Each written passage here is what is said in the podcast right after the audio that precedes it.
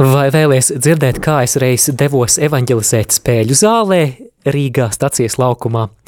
Paliec kopā, šī ir randiņa ar bībeli 27. epizode, kā evanģelizēt, un šodien mēs arī iesāksim studēt Mateja evaņģēlija desmito nodaļu. Paliec kopā! Randiņš ar bībeli Studijā Māris Veliks.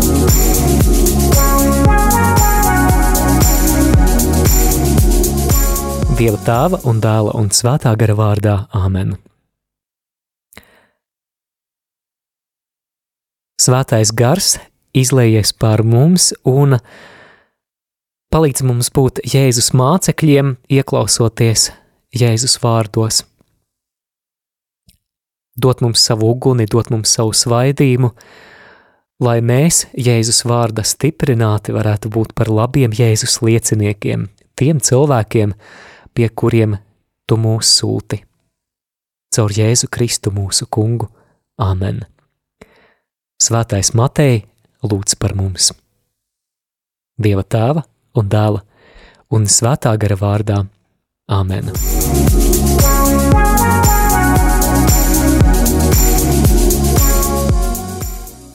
Iepriekšējā randiņā ar Bībeli mēs apstājāmies 9. nodaļas gandrīz beigās. Tas bija 34. pāns, un tad mēs šodien lasīsim no 35. panta. Lūkšu arī Edmundam nolasīt, ietverot arī pirmos četrus pantus no 10. nodaļas. Jā, starp citu, dārgo klausītāji, par to Bībeles grāmatu sadalījumu nodaļās nu, palīdz mums, vai ne, lai orientētos Bībelē, lai atrastu kādu konkrēto rakstu vietu. Bet ir jāatzīmē, ka šis sadalījums nodaļās un pantos tas nav bijis sākotnējos oriģināla tekstos. Krietni, krietni vēlāk, proti 13. gadsimtā Bībeles grāmatas ir tikušas pirmo reizi arī sadalītas nodaļās, lai varētu ērtāk orientēties, un noteikti tas ir pluss. Trūkums tam ir tas, ka Reizēm šis sadalījums nodaļās mums traucē saskatīt to teksta plūdumu, to, kā nākamajā nodaļā uzsāktais teksts patiesībā turpina to, kas ir bijis iesākts jau iepriekšējā nodaļā, un šis arī ir tas gadījums, tātad devītās nodaļas beigas un desmitās nodaļas sākums, nolasīsim to kopā, jo patiesībā tur ir runa par vienu un to pašu. Jēzus apstaigāja visas pilsētas un ciemus mācīdams, viņu sinagogas un sludinādams valstības evaņģēliju, un dziedinādams visas sērgas un visas slimības. Un kad viņš ļaužu pulkus redzēja, sirds viņam par tiem iežēlojās, jo tie bija novārdzināti un atstāti kāvis, kam nav gana. Tad viņš sacīja uz saviem mācekļiem: Pļaujamā daudz, bet pļāvēja maz. Tāpēc lūdziet pļaujas kungu, lai viņš izsūta strādniekus savā pļaujamajā. Un pieaicinājis savus 12 mācekļus, viņš deva viņiem vārdu pār nešķīstiem gariem, tos izdzīt un dziedināt visas sērgas un visas slimības. 12 apstuļu vārdi ir šādi. Pirmais Sīmanis saukts Pēteris un Andrejs, viņa brālis, un Jēkabs Cebedēja dēls un Jānis viņa brālis, Filips un Bartolomejs, Toms un muļķnieks Matejs, Jēkabs Alfeja dēls un Tadejs, Sīmanis Kanānietis un Jūda Izkarjots, kas viņu arī nodeva – Tas, ko mēs nu pat dzirdējām, iezīmē kontekstu Jēzus runai, kuru mēs tālāk lasīsim Mateja evaņģēlijā desmitajā nodaļā, un tā būs jau otrā lielā Jēzus runa no piecām lielām runām, kuras mēs atrodam Mateja evaņģēlijā. Vai atceries, kura ir bija pirmā runa? Pirmā, protams, ka bija Kalnas prediķis no 5. līdz 7. nodaļai. Tad nu Jēzus runa, kuru mēs tūlīt arī sāksim studēt 10. nodaļā, tiek saukta par misionāro uzrunu, jeb misionāro diskursu, jo, kā mēs dzirdēsim, runa tur būs par misiju, par evanģelizāciju, par to, ka Jēzus nosūta savus mācekļus sludināt, dziedināt, kalpot. Un tad no, no pat dzirdētie panti mums parāda šo situāciju, ka Jēzus kalpo, māca sinagogās, viņš sludina valstības evaņģēliju, viņš dziedina visas slimības un kaites, un viņš redz, ka patiesībā to cilvēku ir ļoti daudz. Mēs lasām, ka viņš iežēlojās par tiem. jo tie bija novārguši un pamesti kāvis, kurām nav gana. Tad viņš saka saviem mācekļiem, ka pļaujamā ir daudz, bet strādnieku ir maz.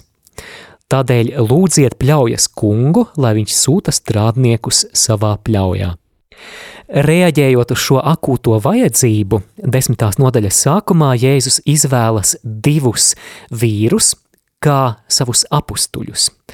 No sengrieķu vārda apostoloi - sūtītie. Tātad šie būs tie 12, kuriem Jēzus uzticēs īpašu kalpošanas un sludināšanas misiju. Mēs tūlīt arī par to lasīsim. Un tad no Jēzus misionārā runa, ko mēs tūlīt arī lasīsim no Mateja 10. nodaļas 5. panta, vismaz tās pirmajā daļā atbild uz jautājumu, ko darīt evanģelizējot?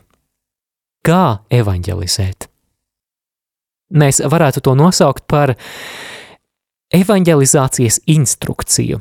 Tādēļ arī šīs 27. epizodes nosaukums randiņam ar bībeli ir Kā evanģelizēt, un tad no lasot tālāk Jēzus vārdus, Jēzus norādījumus par evanģelizāciju, mēģināsim arī saprast, kā šis vārds attiecas uz mūsu dzīvi, kādus svarīgus garīgās dzīves principus mēs varam no šī vārda izvilkt, kur ir aktuāli tev un man arī šodien, 21. gadsimtā.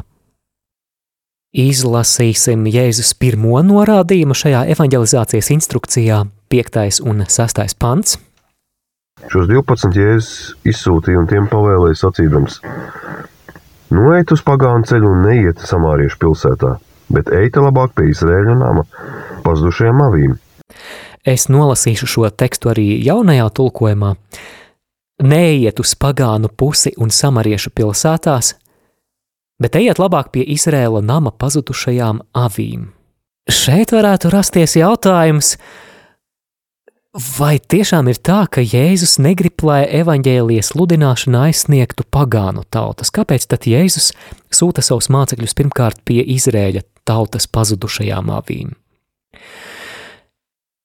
Ja mēs plašāk paskatāmies Mateja evaņģēlijā, patiesībā viens no svarīgiem vēstījumiem šajā tekstā ir ka evaņģēlijs ir domāts visām tautām.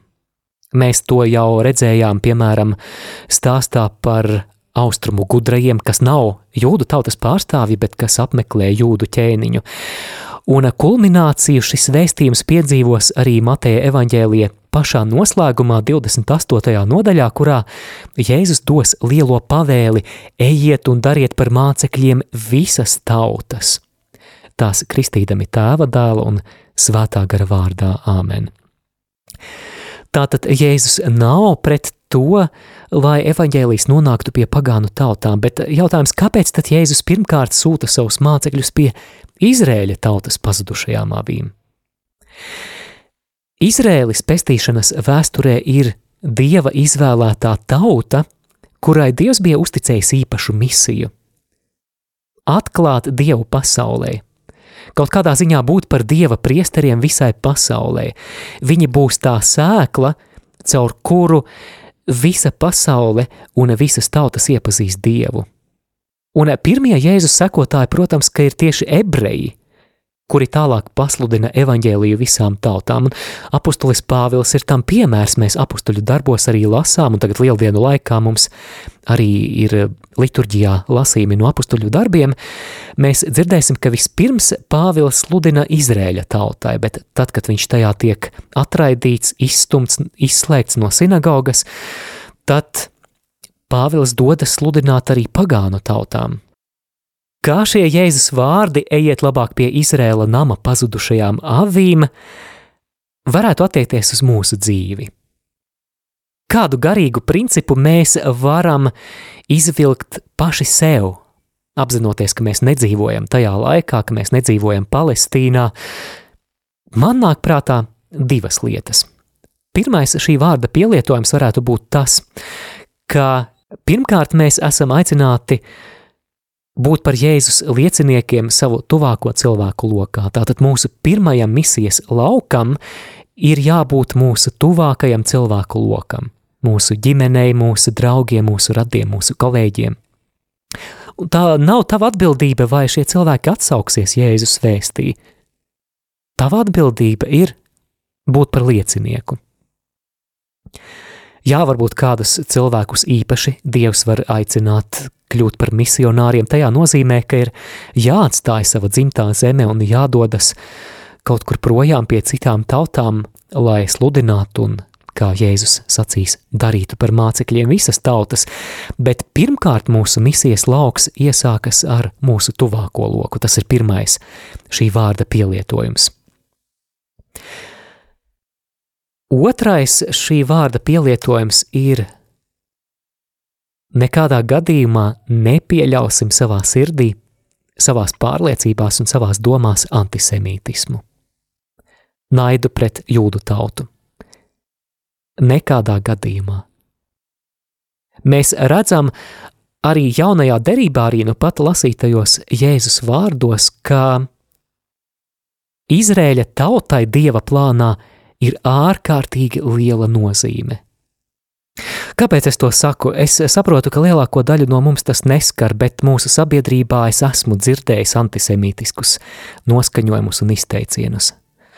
Un, ja nu gadījumā uz kādu tas attiecās, tad izmeklē savu sirdsapziņu, nostājies Dieva priekšā, un vai tiešām šīs tavas pārliecības, šīs tavas domas par jūdu tautu – ir dievam tīkamas?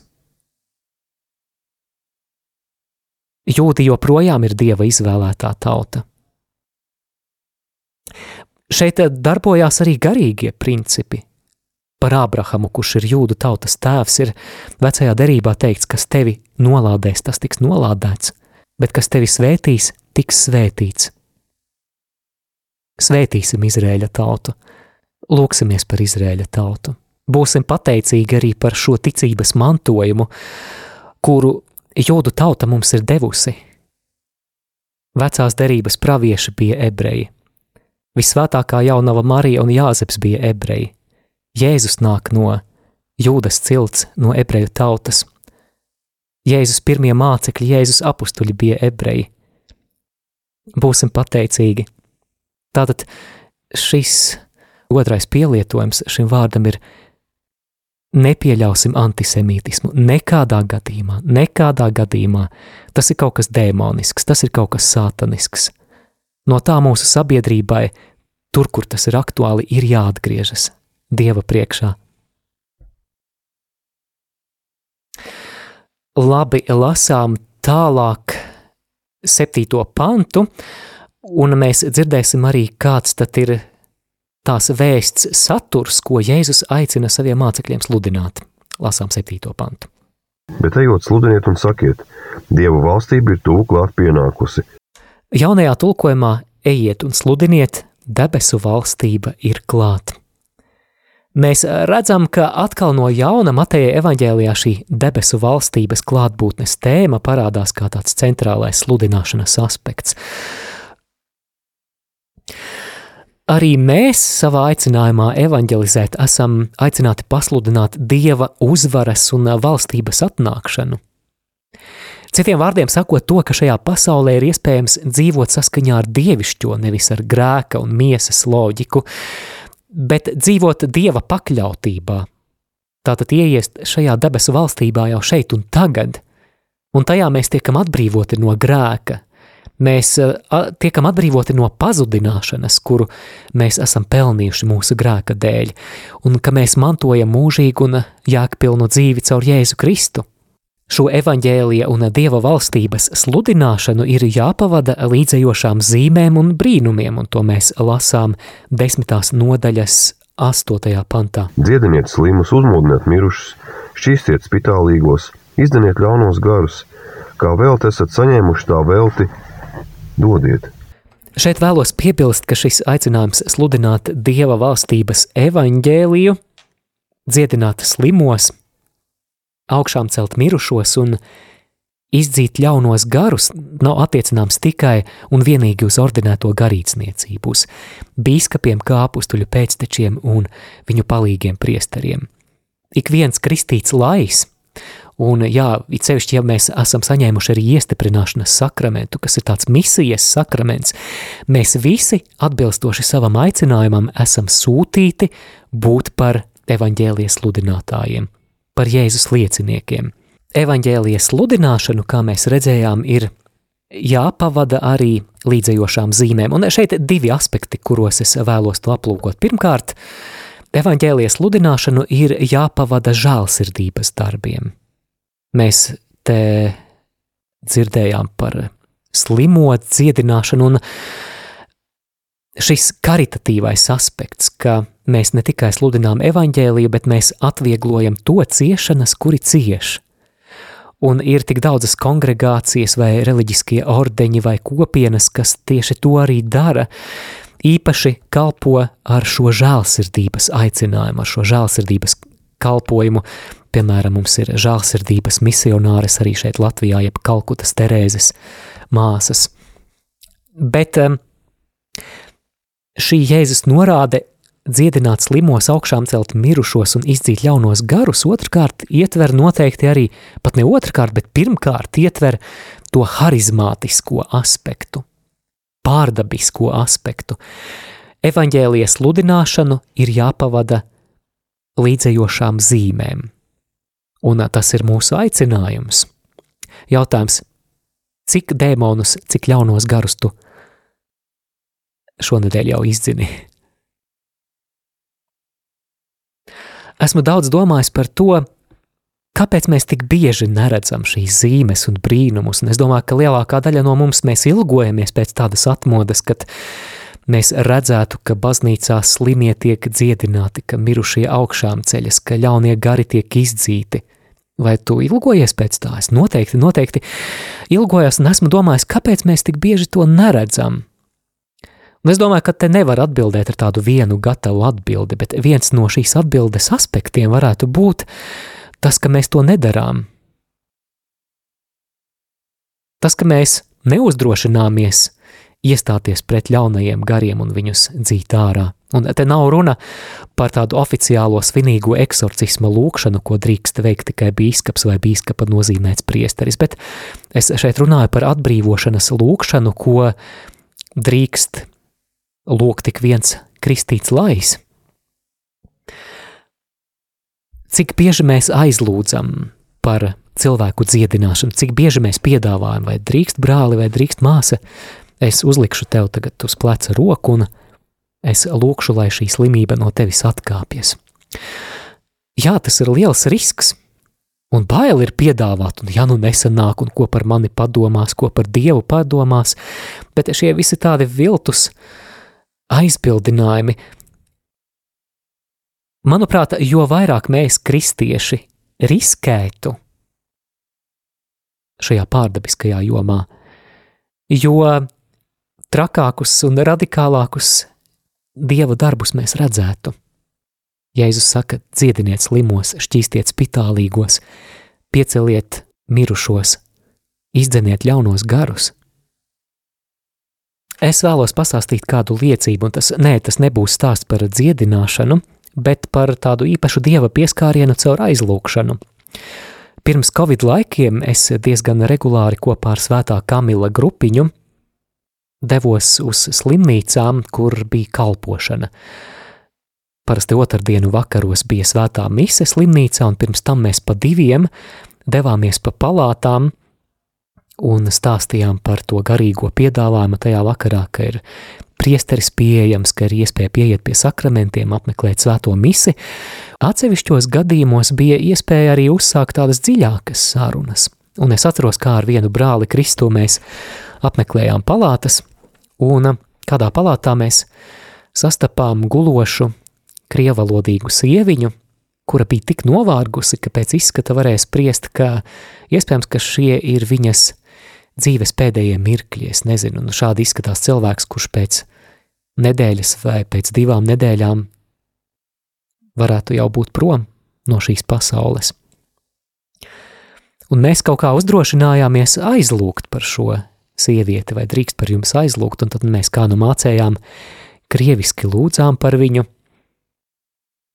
Un kā jau minēju, tas nav stāsts par dziedināšanu, mēs neredzējām kādu dziedināšanas brīnumu, Bet šī sieviņa sāka aizkustinājumā raudāt, un bija jūtams, ka viņa caur šo aizlūkšanu īpašā veidā piedzīvo dieva mīlestību.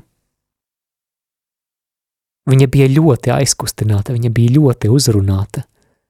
Kad mēs no viņas šķīrāmies, tad viņa nebeidza vien pateikties par to.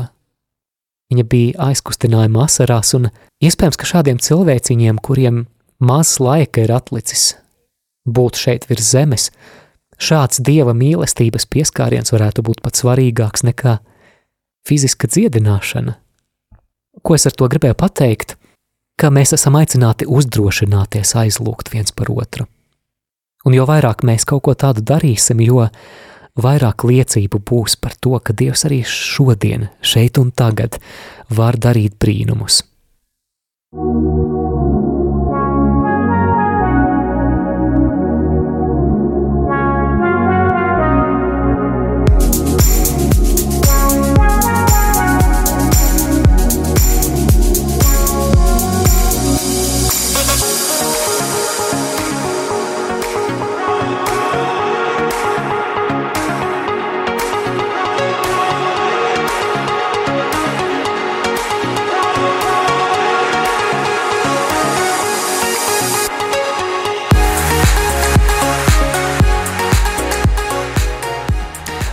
Labi lasām nākamo Jēzus padomu tiem, kas tiek sūtīti misijā, sūtīti evanģelizēt, 9. un 10. pants.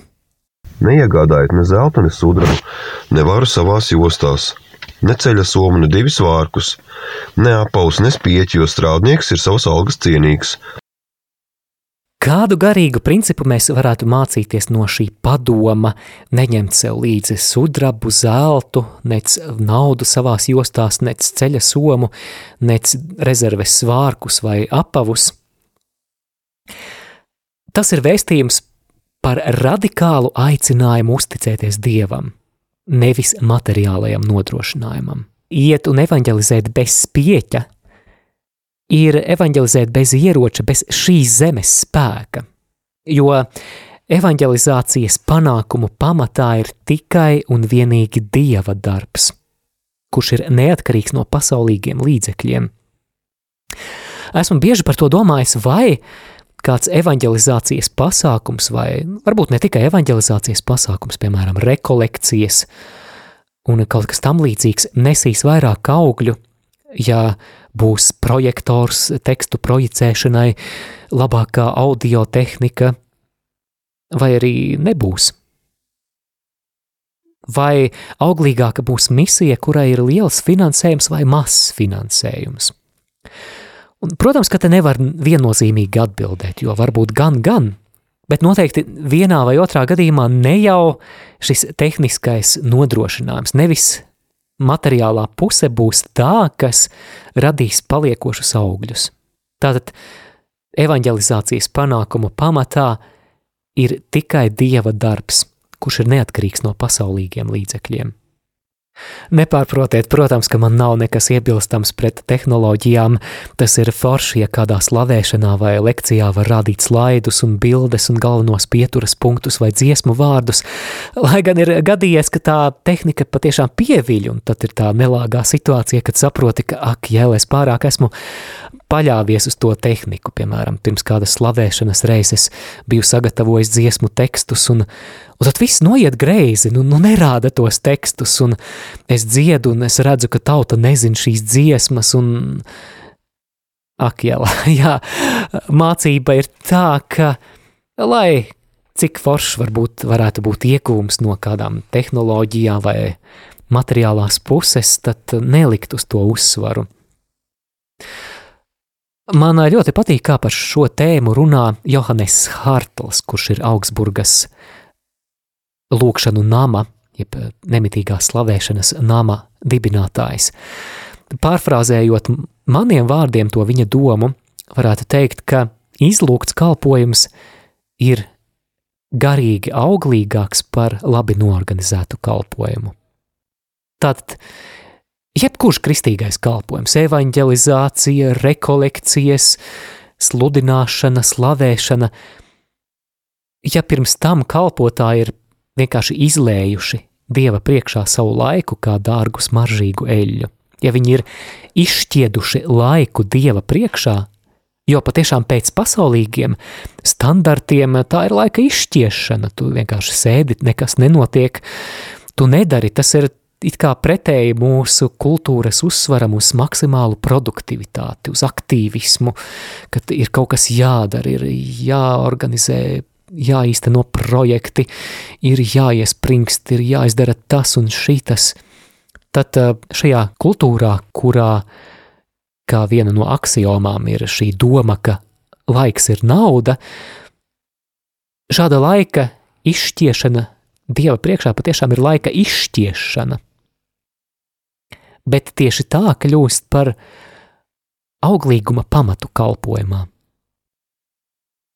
Vai esat ievērojuši, kā kontemplatīvie klosteri, kas ir tās vietas, kur mūki un mūķenes patiešām tik daudz laika pavada ar Dievu, varētu teikt, vienkārši izšķieš vai izlēj to laiku Dieva priekšā, kā šīs vietas piesaista ikvienu ticīgo, pat, jā, mēs kā laji, ja mēs aizbraucam uz eh, šādu klosteri un pavadām tur vismaz 15 minūtes, piemēram, uz vesperēm, atbraucam, tad uh, tu jūties garīgi pabarots.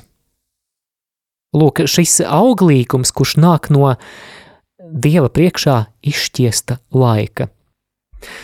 Varbūt arī kādi no jums esat apmeklējuši Lietuvā ir benediktīniešu klosteris Palendrai vai Bētlemes māsu klosteris Paparčai, Jā, tagad ar to ceļošanu tā ir kā ir, bet man vienmēr ir paticis vismaz uz kādu īsu brītiņu iebraukt tur, jo pat um, pusstunda, kas pavadīta tur, klostera baznīciņā, tad uh, rada to sajūtu, it kā tu esi pavadījis laiku rekolekcijās. Ar to es vienkārši gribēju ilustrēt šo domu, ka evanģelizācijas un jebkuras kalpošanas auglīguma panākumu pamatā ir tikai dieva darbs, kurš ir neatkarīgs no pasaulīgiem līdzekļiem. Lasām 11. pantu. Un kurā pilsētā vai ciemā jūs iesiet, uzziniet, kurš tur ir cienīgs. Tad palieciet tiekams, jūs no turienes aiziesiet. Tātad izjautāt, kurš ir cienīgs un pie tā arī palikt. Garīgais princips mūsdienām un mūsu dzīvē no šī panta varētu būt kalpošanā meklēt vietējos līdzstrādniekus, sadarbības partnerus misijā. Un man nāk prātā tas, ka, piemēram, Radio Marija bez šādiem līdzstrādniekiem, kas ir mūsu brīvprātīgie, nevarētu pastāvēt. Un šis princips attiecas uz tik daudzām kalpošanām. Tātad ir kādi cilvēki, kurus jūs kādā kalpošanā iesaistāt, lai jums palīdzētu un nama iedami sveiciniet to. Tā 12. pants jaunajā tulkojumā namā iegājuši sveiciniet to. Šeit ir runa par elementāru pieklājību. Mums ir jābūt noteiktai takta izjūtai arī komunikācijā ar cilvēkiem, kad mēs evanģelizējam, kad mēs kalpojam. Un man nāk prātā kāds amizants piemērs. Jau minētajā Kamila kalpošanā slimnīcā mēs reiz ar vienu meiteni staigājām pa palātām, satikām slimniekus un Mums pievienojās kāda sieviņa, kuru es eh, nepazinu, un man šķiet, ka es viņu pirmo un pēdējo reizi redzēju. Un eh, viņa ienāk palātā, viņa klāt slimniekam un ar rakstāmo, ar papīra lapu un tā, vārds uzvārds. Kad jūs pēdējo reizi bijāt pie grēksūdes? Un eh, kāds ir, kas ir jūsu prāvests? Nu jā, es biju mazliet šokā par šādu attieksmi, arī tie slimnieki apaļām acīm, kas tagad notiek, kaut kāda iztaujāšana. Manuprāt, pieklājība evanģelizācijā nozīmē, ka mēs ar bībeli gluži nesitam cilvēkiem pa galvu. Un ja vien nams ir cienīgs, tad jūsu miers lai nāk par to, Bet, ja tas nav cienīgs, lai jūsu miers pie jums atkal atgriežas, Jā, mēs dzirdējām, ka mēs esam aicināti evanģelizācijā būt par cilvēkiem, kas ir miera nesēji, kas dāvā citiem dieva miera dāvanu. Ja nams ir cienīgs, jūsu miers nāks pār to, bet ja kas nav cienīgs, lai jūsu miers atgriežas pie jums. Šis pants mums atgādina par kādu notikumu vecajā derībā radīšanas grāmatā, proti Noāsa šķirsts. Atcerēsimies, ka plūdiem turpinoties Noās sūta balodi ārā no šķirsta, un balodis neatradis sausu vietu uz zemes, šķirstā atgriežas. Līdzīgi šis mūsu miers pie mums atgriežas. Savukārt, tad, kad šim mieram ir kur piezemēties, tad uh, tas tur paliek, bet jā, interesanti, ka mums jau tā miera nepaliek mazāk. Līdz ar to, tad, kad mēs tiekam atraidīti savā kalpošanā, proti, kad tas dieva miers nāk atpakaļ, tad mums kaut kādā ziņā paliek dubulta porcija. Ir par ko padomāt.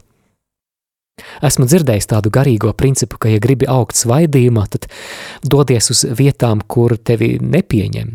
Jā, te radio Marija jau viegli laba publika un, un saprot un grib dzirdēt, bet ir cietumi, ir slimnīcas, ir tādas vietas, kur patiešām tu riskē ar to, ka tu tiksi atraidīts, bet tieši tur tu auc šajā svaidījumā, jo šis dieva miers nāk pār tevi atpakaļ.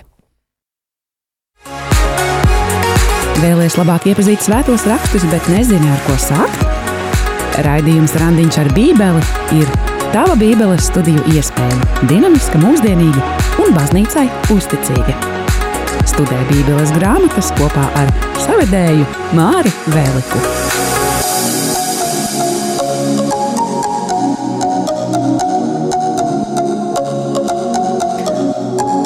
Ko Jēzus saka par situācijām, kad mūsu sludināto vēsti un mūsu kalpošanu nepieņem? Jēzus par to runā no 13. līdz, nē, lasām no 14. līdz 15. pantam. Un ja kas jūs negrib uzņemt, nec klausīt jūsu vārdus, iziet no tā nama, vai tādas pilsētas nokritiet pīšļus no savām kājām – Mazliet par šo putekļu nokratīšanu no savām kājām. Mēs arī apstuļu darbu grāmatā 13. nodaļā, 51. pantā, redzam, kā Pāvils un viņa biedri, kad tika atraidīti kādā pilsētā, viņi izējot no šīs pilsētas, nokrata putekļus. Bet ko tas varētu nozīmēt mums? Kādu garīgu principu mēs priekš sevis varam paņemt? Jo noteikti šis nav tāds žests, ko mēs šodien lietojam un ko arī šāda žesta adresāti būtu spējīgi saprast. Mēs vienkārši tā nedarām, gluži kā mēs arī paužot sašutumu, kā bībelē mēs neplēšam savas drēbes. Jo putekļu nokratīšana, gluži kā apģērbas aplēšana, bija tā laika jūdu kultūrai saprotami žesti. Tas nav veids, kā mēs paužam kādu nostāju, piemēram, šajā gadījumā oponentu priekšā, un tad, manuprāt, tas, kāds šī vārda praktiskais pielietojums varētu būt mūsu dzīvē, aicinājums nepārspīlēt ar politkorektumu. Nepārspīlēt ar politkorektumu. Ar politkorektumu es šeit saprotu tādu nostāju vai, vai komunikācijas veidu, kurā, lai tikai kādu neapvainotu, mēs upurējam kaut ko no patiesības, mēs kaut ko noklusējam, mēs padarām visu pūkainu, un jā, man ir sava patiesība, tev ir sava patiesība, un jā, tu vari pielūgt savu koka bluķi vai svēto ziloni vai govi. Jā, katram savs ceļš, un viss ir skaisti, viss ir pūkaini, un galu galā visi reiz satiksimies. Tālāk no 16. līdz 25. pantam Mateja evaņģēlija 10. nodaļā mēs lasām par to, ka mācekļi tiks vajāti. Redzi, es jūs sūtu kā avis vilku starpā, tāpēc esiet gudri kā čūskas un bez viltus kā baloži. Tātad Jēzus realistiski brīdina, ka evaņģēlijas sludināšana var sastapties ar reizēm pat visai skarbu opozīciju. Viņš aicina būt realistiem un rēķināties ar to, ka vide, kurā viņš mūs sūta, nav tāda viegla un pūkaina vide. 16. pantā viņš saka, redzies jūs sūtu kā avis vilku vidū. Un piebilst, tad nu esiet gudri kā čūskas un bez viltus kā paloži. Vispirms mazliet par šo vārdu es jūs sūtu kā avis vilku vidū. Kāds brīdis, kad es pats uz savas ādas šo būšanu it kā vilku vidū izjūtu, bija, ja nemaldos, 2018. gada augusta beigās, Rīgā bija tāds liels ekumēnisks starptautiska mēroga pasākums Awakening Europe vai Baltica, kā tur bija Awakenings. Iespējams, ka daudzi no jums arī apmeklējāt šo pasākumu. Un šīs lielās starptautiskās evanģelizācijas konferences ietvaros bija iespēja arī starplaikos doties evanģelizēt Rīgas ielās. Un es pievienojos kādai grupai, kas devās uz stacijas laukumu, jeb Origo laukumu Rīgā. Un Man gan šķiet, ka šī grupiņa pieļāva kādu kļūdu, ka nes kāpēc tika pieņemts lēmums, ka mēs iesim pa vienam. Jo galu galā mēs arī redzam evaņģēlijā, ka Jēzus sūta pa diviem. Nu jā, nu labi, bet fakts tāds, ka mēs gājam, gājām pa vienam, un tad nu es stāvu šajā stacijas laukumā, un ko es ieraugu stacijas laukuma vidū, kas tur atrodas? Spēļu zāle Fēniks. Un man iešaujās prātā tāda radikāla doma: iešu evanģelizēt uz Fēniksu. Es ienāku iekšā, pienāku pie tiem spēļu automātiem, un tur tādi vīri aizmiglotām acīm spiež tās pogas un spēļu automātu skaņas apkārt, un neatceros kā, bet nu kaut kā es tur mēģināju to evaņģēlija kodolu pasludināt, un tad pienāk pie manis apsargs, satver mani aiz krāgas un ved atpakaļ pie izējas un grūž mani ārā un saka, vecīt, tev no šādām elles vietām jāpazūd. Jā, par tām elles vietām man gribējās teikt āmen. Labi, izstūma mani no tās spēļu zāles, no tā fēniksa, stāvu ārā, skatos pāri ielai, tur cits fēniks, cita spēļu zāle. Labi, pa to tuneli pārgāju otrā pusē un eju iekšā, un tas ir lielāks fēniks, un tur tie gaiteņi tādi gari, ka tur var pat uh, noslēpties no apsarga, un kādā stūrī tad es atkal sāku sludināt evaņģēliju, un dalīju arī tās skrejlapiņas vai, vai ielūgumus uz evanģelizācijas pasākumu vakarā Arēna Rīga. Un uh, kāds no šiem eh, vīriem, kas pie spēļu automāta man grūž atpakaļ to lapiņu un saka, tu domā, ka mēs tik slimi esam? Jā, tā vide bija patiešām tāda smagnēja, un es vienkārši to minu kā tādu piemēru, kā Jēzus var mūs sūtīt uz vietām, kur mēs patiešām varam piedzīvot to, ka mēs esam kā avis vilku vidū. Tālāk šajā pantā 16. pantā Jēzus arī runā par dažām īpašībām, kas ir jāpiemīt evanģelizētājam. Tad nu esiet gudri kā čūskas un bez viltus kā baloži. Gudri kā čūskas un bez viltus kā baloži.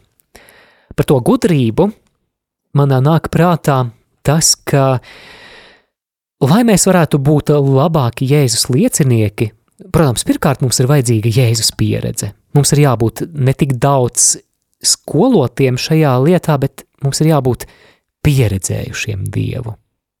Bet tas neizslēdz arī to, ka mēs esam aicināti arī studēt savu ticību, saprast, lasīt par ticības lietām, apgūt apoloģētiku, jeb ticības aizstāvības pamatus, jo 1. pētera vēstulē 3.15 ir teikts, ka svēti godājiet Kristu kā kungu savā sirdīs, esiet vienmēr gatavi atbildēt ik vienam, kas prasa jums paskaidrojumu par cerību, kas mīt jūsos. Dargo klausītāji, kaut kādā ziņā tu jau to dari. Tu klausies radio Marija, un šajā radiostacijā ir Raidījumi, kas palīdz saprast gan baznīcas mācības pamatus, mums ir 9 no rīta ar atkārtojumu 11. vakarā priestera katehēze, mums ir bibliskie raidījumi, un varbūt tā kāds no jums var sajust aicinājumu iestāties ar Arzīje augstākajā Rīgas, Rīgas augstākajā reliģijas zinātņu institūtā. Man pašam ir Arzī diploms, un uh, Lielā mērā pateicoties tam es arī varu vadīt šo raidījumu randiņš ar bībeli, tātad būt gudriem kā čūskas. Un Jēzus piebilst arī būt bez viltus kā baložiem, tātad būt šajā kalpošanā bez sautīgiem nodomiem, bez kaut kādām schēmām, bez manipulācijas. Un tā ir tāda attieksme un darbošanās veids, kādu apraksta apustulis Pāvils. Nolasīšu garāku fragmentu no otrās vēstules korintiešiem sastās nodaļas no 4. līdz 10. pantam. Bet visās lietās mēs parādāmies kā dieva kalpi, lielā pacietībā, bēdās, darba grūtībās, bailēs, sitienos, cietumā, uztraukumā, grūtā darbā, bezmiega naktīs, badā, šķīstībā, atziņā, lēnprātībā, laipnībā, svētajā garā, neviltotā mīlestībā, patiesības vārdā, dieva spēkā, ar taisnības ieročiem pa labi un pa kreisi, ar godu un negodu, ar slavu un neslavu, kā viltnieki un tomēr patiesīgi, kā nepazīstami un tomēr pazīstami. Kā mirēji un redzi mēs dzīvojam, kā pārmācīti un tomēr nenonāvēti, kā noskumuši, bet vienmēr priecīgi, kā nabagi, bet kas dara daudzus bagātus, kā tādi, kam nav nenieka un kam tomēr ir visas lietas. Vēstulē Filipiešiem pirmajā nodaļā Pāvils arī piemin tos, kas evaņģēliju sludina ar sautīgiem un viltīgiem motīviem, bet, bet viņš tur piebilst arī tā, ka ar tādiem vai citādiem motīviem, jebkurā gadījumā, ja kāds evaņģēliju sludina, es par to priecājos. Tāds ir tas Pāvils. Tad tā, Tālāk lūkšu Edmundam nolasīt no 17. līdz 23. pantam, un šī būs pēdējā porcija, ko mēs šodien aplūkojam. Mēs turpināsim tad par šo vajāšanu perspektīvu evanģelizācijā arī runāt. Bet sargieties no cilvēkiem, jo tie jūs nodos savās tiesās. Un jūs šaustīs sinagogās, un jūs vedīs manis dēļ valdnieku un ķēniņu priekšā, viņiem un pagāniem par liecību – Kad tie jūs nodos, tad nebēdājieties, kā un ko jūs runāsiet, jo tajā pašā stundā jums tiks dots, kas jums jārunā. Jo ne jūs esat tie runātāji, bet jūsu tēva gars ir tas, kas jūsos runā. Bet brālis brāli nodos nāvē, un tēvs dēlu, un bērni celsies pret vecākiem, un nonāvēs viņus, un jūs būsiet visu ienīdēti manu vārdu dēļ. Bet kas pastāv līdz galam, tas taps izglābts. Kad jūs vajās šī pilsētā, beidziet uz citu. Patiesi es jums saku, jūs nebūsiet vēl pabeiguši staigāt Izraēļa pilsētas, tiekams nāks cilvēka dēls. Māceklis nav augstāks par savu mācītāju, net kalps par savu kungu. Māceklim pietiek, ja viņš top kā viņa mācītājs un kalps kā viņa kungs. Ja tie nama kungu saukuši par Belcebulu, tad jau vairāk viņu saimi. No 21. līdz 22. pantam mēs lasījām, ka vajāšanas būs no valsts puses, no tautas, pat, pat no Jā, pat var no ticības brāļu māsu puses būt vajāšanas. Vajāšanas var būt arī no ģimenes locekļiem. Un, starp citu, kristietība saskaņā ar statistikas datiem šobrīd ir visvajātākā reliģija pasaulē. Ja kādās islāma valstīs, valstīs, kur valda islāms, Pakistānā vai Afganistānā, Irākā, kristieši burtiskā nozīmē piedzīvo vajāšanas baznīcas tiek dedzinātas, un rietumu pasaulē šī kristiešu vajāšana var būt tādā slēptā veidā, kas var izpausties kā kristiešu izsmiešana, apklusināšana, kristietības izstumšana no publiskās telpas, kristietībai pretēju vērtību propaganda. Jā, mēs redzam, piemēram, kā publiskajā telpā tiek noniecināts kristīgs skatījums uz ģimeni – Tātad tie, kuri uzskata, ka ģimene un laulība ir starp vīrieti un sievieti, tie ir tādi viduslaiku atpakaļ rāpuļi, kuri nesaprot no mūsdienu tendencēm. Un, manuprāt, tas ir piemērs tādai slēptai, netiešai vajāšanai. Reizēm arī rietumu pasaulē tās var būt burtiskas vajāšanas. Jau 2005. gadā skaļi izskanēja gadījums par kādu Zviedru vasarsvētku draudzes mācītāju Oki Grīnu, kurš tika tiesāts par to, ka sludināja, ka homoseksuāls dzīvesveids ir grēks un ka tā ir bībelē rakstīts. Un, jā, lai gan augstākās instances tiesa viņu vēlāk tomēr attaisnoja, bet tas bija, manuprāt, tāds pirmais spilgtākais plašāk izskanējušais gadījums 2000. gados, bet ar vien biežāk un biežāk šādi gadījumi notiek, un es domāju, ka būs vēl biežāk un regulārāk. Bet um, Jēzus arī apsola, ka māceklim, kuram ir pieredze attiecībās ar svēto garu, nav jādomā par aizstāvēšanās stratēģijām, ka viņš var ļauties svētajam garam, kurš darbosies un kurš pateiks, ko īstajā brīdī kā runāt. Un es atceros, ka savulaik tēvs Smelters katedrālē viņš diezgan bieži runāja par bīskapu Boļislavu Sloskānu, kurš Staļina laika Krievijā piedzīvoja vajāšanas un arī tika mocīts, un, un kāds no viņa mocītājiem esot teicis, ko tu smaidi, un Boļislavs Laskāns esot atbildējis, tādēļ, ka es esmu brīvs, bet tu tāds nēsi. Jā, manuprāt, kaut ko tādu var atbildēt, tad, ja patiešām svētais gars tevi vada, un pirmajā Pētera vēstulēs, gan neatceros, kurš tas bija pants, kura nodaļa ir tāds apsolījums, ka, ja jūs tiekat vajāti, tad godības gars dus pār jums. Tātad Dievs ir kaut kādā īpašā veidā apsolījis svētā gara klātbūtni, tad, ja ticības dēļ mēs tiekam vajāti.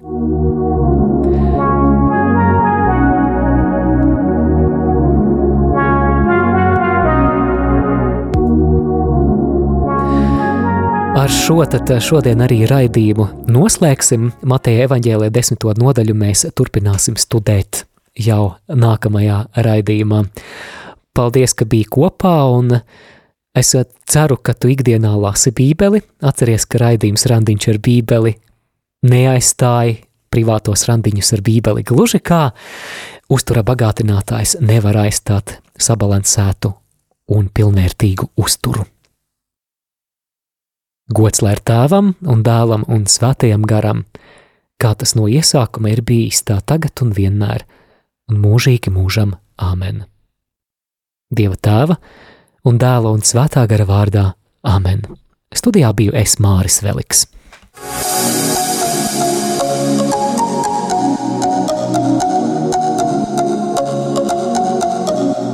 Jūs klausījāties raidījumu Randiņš ar Bībeli.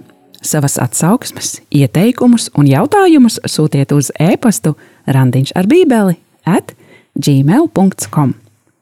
Iepriekšējās raidījuma epizodes aicinām meklēt arhīvā.